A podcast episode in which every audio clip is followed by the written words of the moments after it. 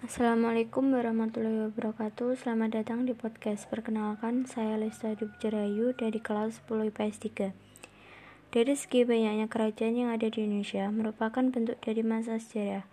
Ada banyaknya kerajaan-kerajaan yang ada di Indonesia. Saya memilih salah satu dari berbagai banyaknya kerajaan Yaitu Kerajaan Samudra Pasai Yang akan menjadi tema podcast saya hari ini Nah, kerajaan Samudra Pasai ini juga pernah memuncak kejayaannya pada masa Sultan Mahmud Malik Az-Zahir 1326-1345 di masa pemerintahannya.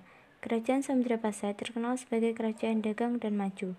Ini saya membuat podcast tentang kerajaan Samudra Pasai yang merupakan bagian dari sejarah Indonesia. Sudah tahukah di mana letak kerajaan Samudra Pasai?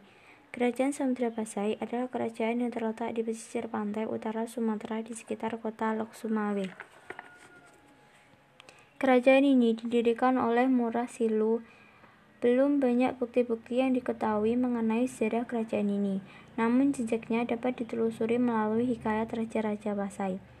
Siapakah raja pertama di kerajaan Samudra Pasai? Berdasarkan hikayat Raja-Raja Pasai dan hikayat Melayu disebutkan bahwa Sultan Malik Al-Saleh merupakan raja pertama di kerajaan Samudra Pasai. Teman-teman, bagaimana dengan basis perekonomiannya dan kehidupan sosialnya? Basis perekonomiannya adalah perdagangan dan pelayaran. Pengawasan terhadap perdagangan serta pelayaran itu merupakan sendi-sendi kekuasaan yang memungkinkan kerajaan memperoleh penghasilan dan pajak yang besar. Kerajaan ini menjadi pusat perdagangan internasional pertama untuk mengekspor sutra dan lada. Kehidupan sosial masyarakatnya didasarkan hukum Islam. Samudra Pasai pernah menjadi pusat pengembangan Islam. Kerajaan Samudra Pasai pernah berjasa dalam menyebarkan Islam ke seluruh pelosok Sumatera. Kerajaan Samudra Pasai adalah kerajaan maritim, sehingga masyarakatnya turut aktif dalam kegiatan perdagangan. Apa faktor penyebab keruntuhan dan kejayaan Kerajaan Samudra Pasai, keruntuhan. Tidak ada pengganti yang cukup terkenal setelah Sultan Malik Al-Zahir.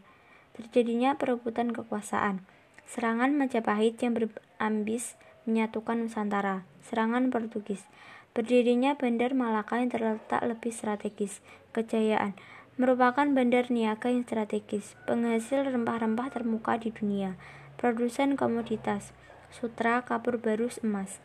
Apa saja peninggalan yang ada di kerajaan Samudra Pasai antara lain adalah hikayat raja, durham atau koin emas, cakra dunia, stempel Pasai, cerena, batu nisan Sultan Malik Al-Saleh, batu akik, makam Sultana Nasyariah. Nah teman-teman, ada beberapa manfaat peninggalan sejarah kerajaan Samudra Pasai loh. Apa ya kira-kira? 1 penambahan kekayaan dari kasanah budaya bangsa. 2. Menambah pendapatan negara melalui kegiatan wisata. 3. Sebagai bukti nyata peristiwa sejarah yang dapat diamati zaman sekarang. 4.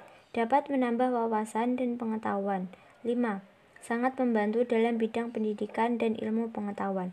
Sampai sini dulu untuk kerajaan-kerajaan masa Hindu Buddha lebih tepatnya Kerajaan Samudra Pasai. Semoga bermanfaat dan kita lanjut pada episode berikut dengan harapan sahabat-sahabat sejarah Indonesia di rumah tetap menjaga kesehatan dan jangan pernah lupa untuk 3M jika Anda berada di luar karena itu sangat nyaman dan sangat membantu kita semua. Sekali lagi terima kasih dan sampai jumpa. Salam sejahtera buat kita semua. Wassalamualaikum warahmatullahi wabarakatuh.